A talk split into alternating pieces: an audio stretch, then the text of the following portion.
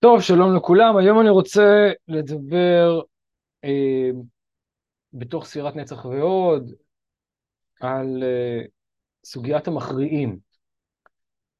אפשר להתבונן על מבנה הספירות, וככה אה, רבי יוסף צ'קטיליה באחד, באחד הקטעים פה בשער אה, ג' ד' מתבונן על המבנה הזה כמבנה של שלוש שכבות שבכל שכבה יש מין אה, דיאלקטיקה והכרעה. אני אומר מין דיאלקטיקה, כי עוד רגע נסתכל על הדיאלקטיקה הזאת אחרת. כבר דיברנו על זה במפגש הראשון על נצח ועוד, שיש מין צורת מאוין כזה, דבר שהולך ונפתח ואז הולך ונאסף, זה בעמוד 97, במהדורה החדשה של הרב ירוחם בקר. והוא אומר, אה, הוא אומר כך, אה, שני שמות האלה, תתבונן, סליחה, תתבונן בכל מקום שתמצא שמיים, שהוא סוד שני השמות שהם גדולה וגבורה. והוויה באמצע שניהם, והוא רקיע בתוך המים. בכל מקום שאתה מוצא שחקים, הוא סוד שני שמות שהם נצח ועוד, שהם הוויה אלוהים, צבאות. ואל חי הוא באמצע שניהם, והוא הכתוב השלישי המכריע ביניהם.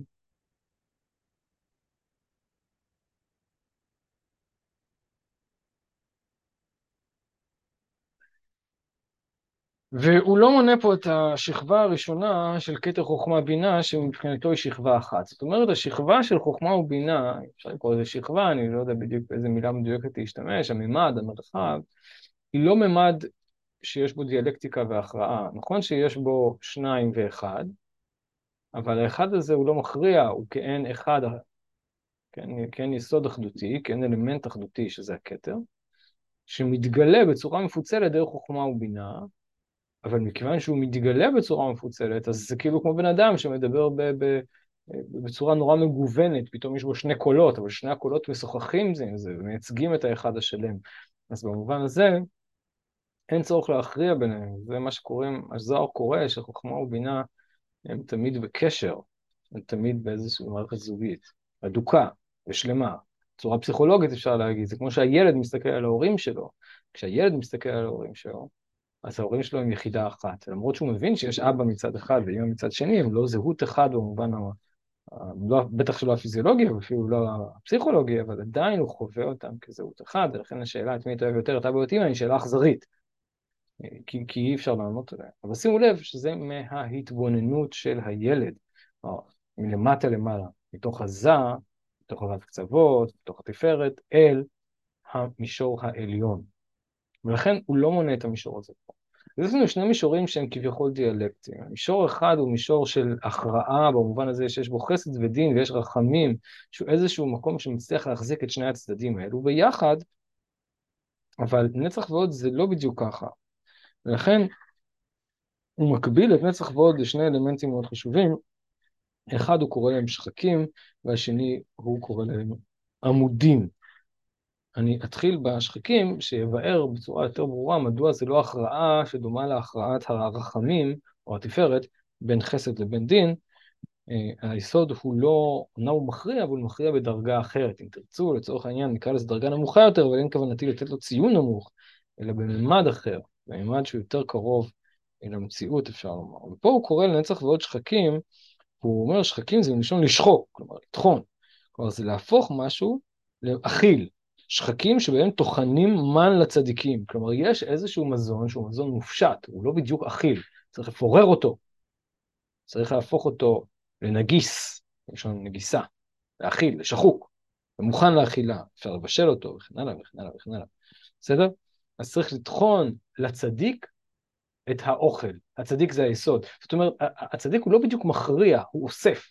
לכן הצדיק נקרא יוסף. הוא אוסף, אבל מה הוא אוסף? הוא אוסף משהו שנצח והוד מייצרים. בלי הייצור של נצח והוד, הצדיק לא יכול לאסוף. לכן ההכרעה שלו היא לא במובן של אה, אה, יש לנו דיאלקטיקה בין החסד לבין הדין, אה, והרחמים מצליח להחזיק את שניהם במין מתח כזה, או במין זה שהוא מאחד בתוכו את שני הזהויות הדיאלקטיות. יש איזשהו עיבוד של הנצח והוד, והעיבוד הזה מאפשר ליסוד להשתמש בו. אז הוא מכיל בתוכו איזשהו חומר מעובד, ולכן הוא יכול להחזיק אותו. אחרת הוא לא יכול לבלוע את זה, אה, כמו שאומרים. ולכן הנצח ועוד במובן הזה הוא מזין את היסוד, והיסוד כביכול מקבל, אפשר לומר, להסתכל על זה כאין, כאין משהו שהוא מקבל מן המוכן. במובן הזה זה גם קשור לכל מדרגת הניסים והנפלאות וכולי, כלומר יש איזה מעבר ממרחב שהוא רוחני, שהוא מופשט, למרחב שהוא יותר קונקרטי, ובמובן הזה חייבים לטחון משהו. האוכל, יש בו ממד שמחיה את הנפש, אבל הממד הזה הוא לא לעיס, כביכול, כן, כשפה מטאפורית, כן?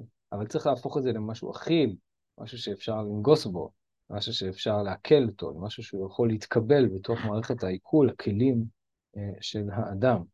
וזה דימוי אחד שנאמר פה על הנצח ועוד, ובעזרתו אנחנו מבארים יותר טוב את מושג ההכרעה שיש ב, אה, ביסוד ביחס לנצח ועוד. נקודה נוספת זה שנצח ועוד נחשבים כרגליים או כעמודים. זאת אומרת, הם גורם, הם גורם מייצב. ולכן הוא גם מקביל אותם לעצמות. אני יודע שזה נשמע מוזר, אבל זה מה שהוא אומר. השמיים, אותם השמיים השחקים שקראנו להם שחקים, או עצם השמיים, אז uh, הוא אומר, יש עצם אחד שדרתו של אדם, עצם הלוז, אני לא אקרא, אני אגיד את זה בעל פה, ובשער הזה של נצח ועוד, הוא מסתכל על נצח ועוד כמין משהו שאפשר לבטא אותו דרך מושג אה, אה, העצמות. אה, והוא מחבר את זה שוב לקריאה, יסוד הקריאה באדם. דק יסוד הקריאה, כלומר ההשתחוות באדם, הוא ביסוד העצמות, לפיכך הוא צריך לרמוז בהלכה שאדם צריך לכרוע ב-18 עד שיתפקקו כל חוליות שבשדרה, וצריך לכרוע במודים. אז יש לנו פה הודאה שראינו, הודאה על נס, יש לנו עצמות ויש לנו קריאה, או השתחוויה. כי ידעת כי המודים הוא הנצח ועוד. יש לנו גם קנאה, ובואו נציא רגע את הקנאה, כי זה דבר שמסבך אותנו פה, להסביר את זה. אז יש פה איזה גורם מייצב, בין אם נקרא לו רגליים, או עמודים, כמו שהוא קורא לו במקום אחד, בין אם נקרא לו עצמות. זה, זה מטאפורות שונות לאותו, לאותו עניין. ובמובן הזה היסוד הוא דבר שעליו הרגליים עומדות. כלומר, הרגליים מייצבות את האדם, אבל הן צריכות קרקע, זה דימוי נוסף להכרעה של היסוד. בלי קרקע, הרגליים יכולים ליפול אם הקרקע לא יציבה. אז היסוד הוא מכריע, אבל באיזה מובן הוא מכריע? זה שהוא מאפשר לרגליים לעמוד או לנוע, ללכת. הוא לא מכריע על ידי איזשהו, כמו המתח בריק, כוח, ה...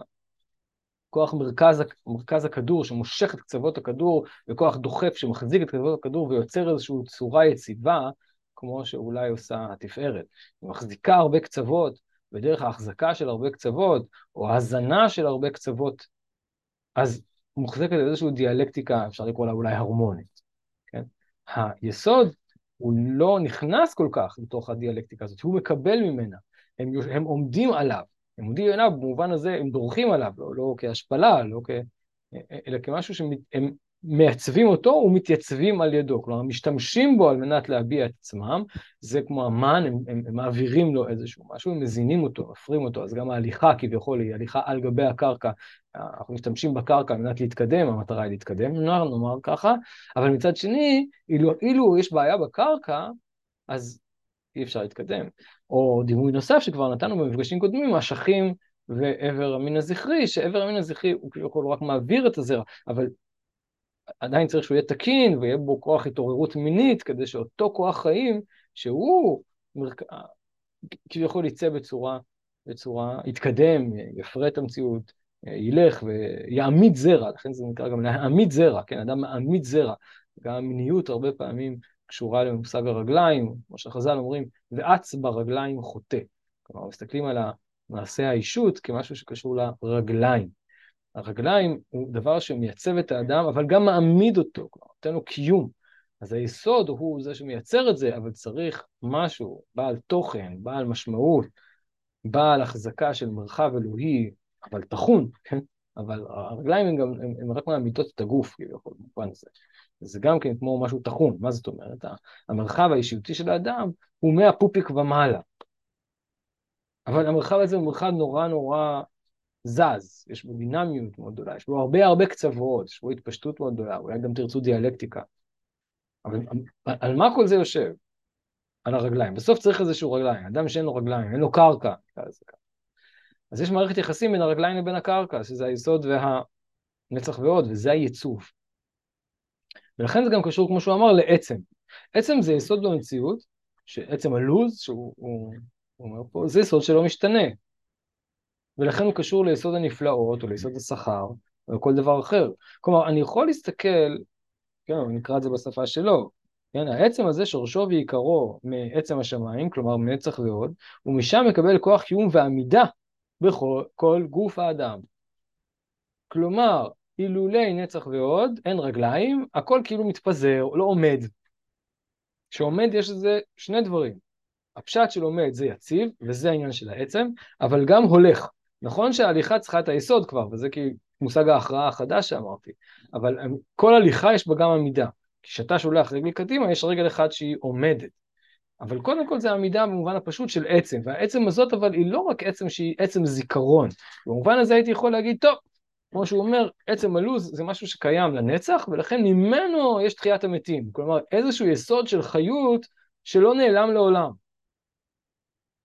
שגם אחרי המוות הוא נשאר איזשהו אלמנט קטן מאוד של חיים, שממנו אפשר אחר כך על ידי כל מיני אמצעים להרחיב אותו ולחזור ולהחיות את האדם. זו נקודה אחת שהיא אמיתית והיא אה, חשובה, אבל הוא מוסיף פה עוד דבר, שהעצם הזה קשור גם למושגי שכר ועונש, וגם לקינה, אבל אמרתי שאני לא ארחיב פה על, הקינה.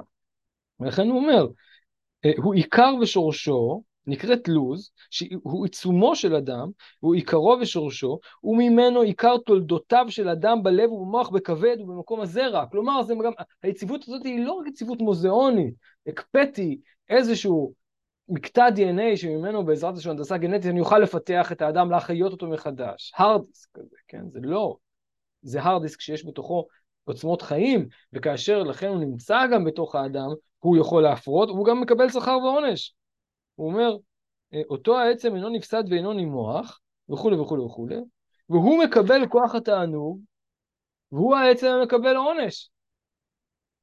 אם זה רק אה, איזשהו משהו שאני שומר, אה, אין לי יחס של ענישה או שכר או תענוג אליו.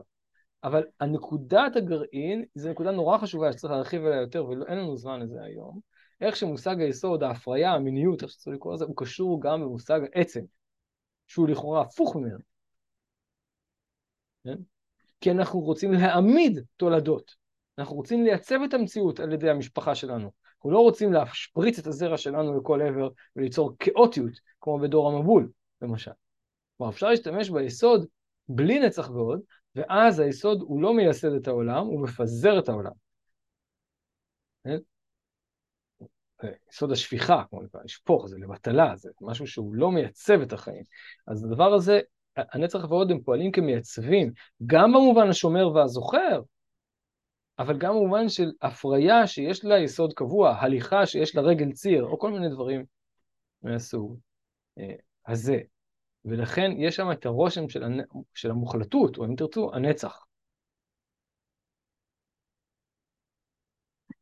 ו... אמ, אוקיי, אני חושב שזה מספיק לעניין הזה.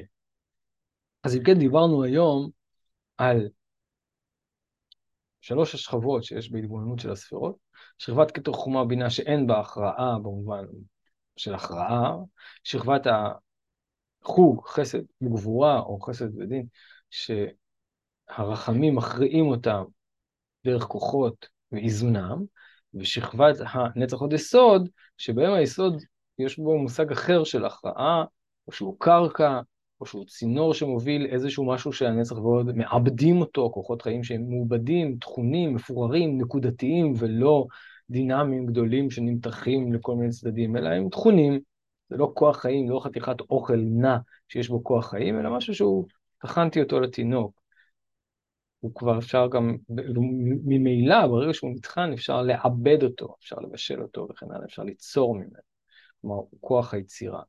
ובמובן הזה הוא גם כוח היציבות, וזה החידוש האחרון שאמרנו, שיש פה קשר בין כוח היצירה לכוח היציבות. שלכאורה הם שני כוחות שונים. זה סוד שכל אומן מחפש, איך להיות אומן, בלי שהאומנות שלו תהיה מבוססת על מוזה קפריזאית, שבעצם הורסת אותו והורסת את העולם, אבל מצד שני מייצרת המון צבעים, המון זיקוקים. לכאורה יש איזשהו מתח. ההכרעה של היסוד היא ההכרעה הזאתי, בין קפריזאות יצירתית לבין לא, איך אפשר לקחת את הקפריזאות היצירתית, איך אפשר לקחת את הכוחות האלה, שהם כוחות שהם מתפשטים כביכול, אבל לראות איך הם נמצאים בתוך איזשהו גרעין של עצם, של יסוד, של קפקא. כל זה הכרעה מסוג אחר, ובמובן הזה הנצח ועוד הם רגליים, או אפילו עצם. ועל ידי זה אנחנו גם מדברים על הקריאה, כלומר העצם היא זאת שיש לה את התודעה שהיא צריכה להתכופף בפני האלוקות, כי היא זאת שמכירה באופן המוחלט וה, והקונקרטי ביותר כי עצם זה גם משהו קשיח, כן? זה משהו שהוא נרשם בו רושם, כי כל, כל הבשר הוא זז, כל ה... כל ה... לכן מדברים על קנאה, וכמו שאמרתי שאני לא אכנס אליו, שהוא עד העצם, כאילו מה הכוונה? משהו שנחרט בתודעה, נחרט בעצם האדם. עצם הדבר, לא זה עצם של הכלב?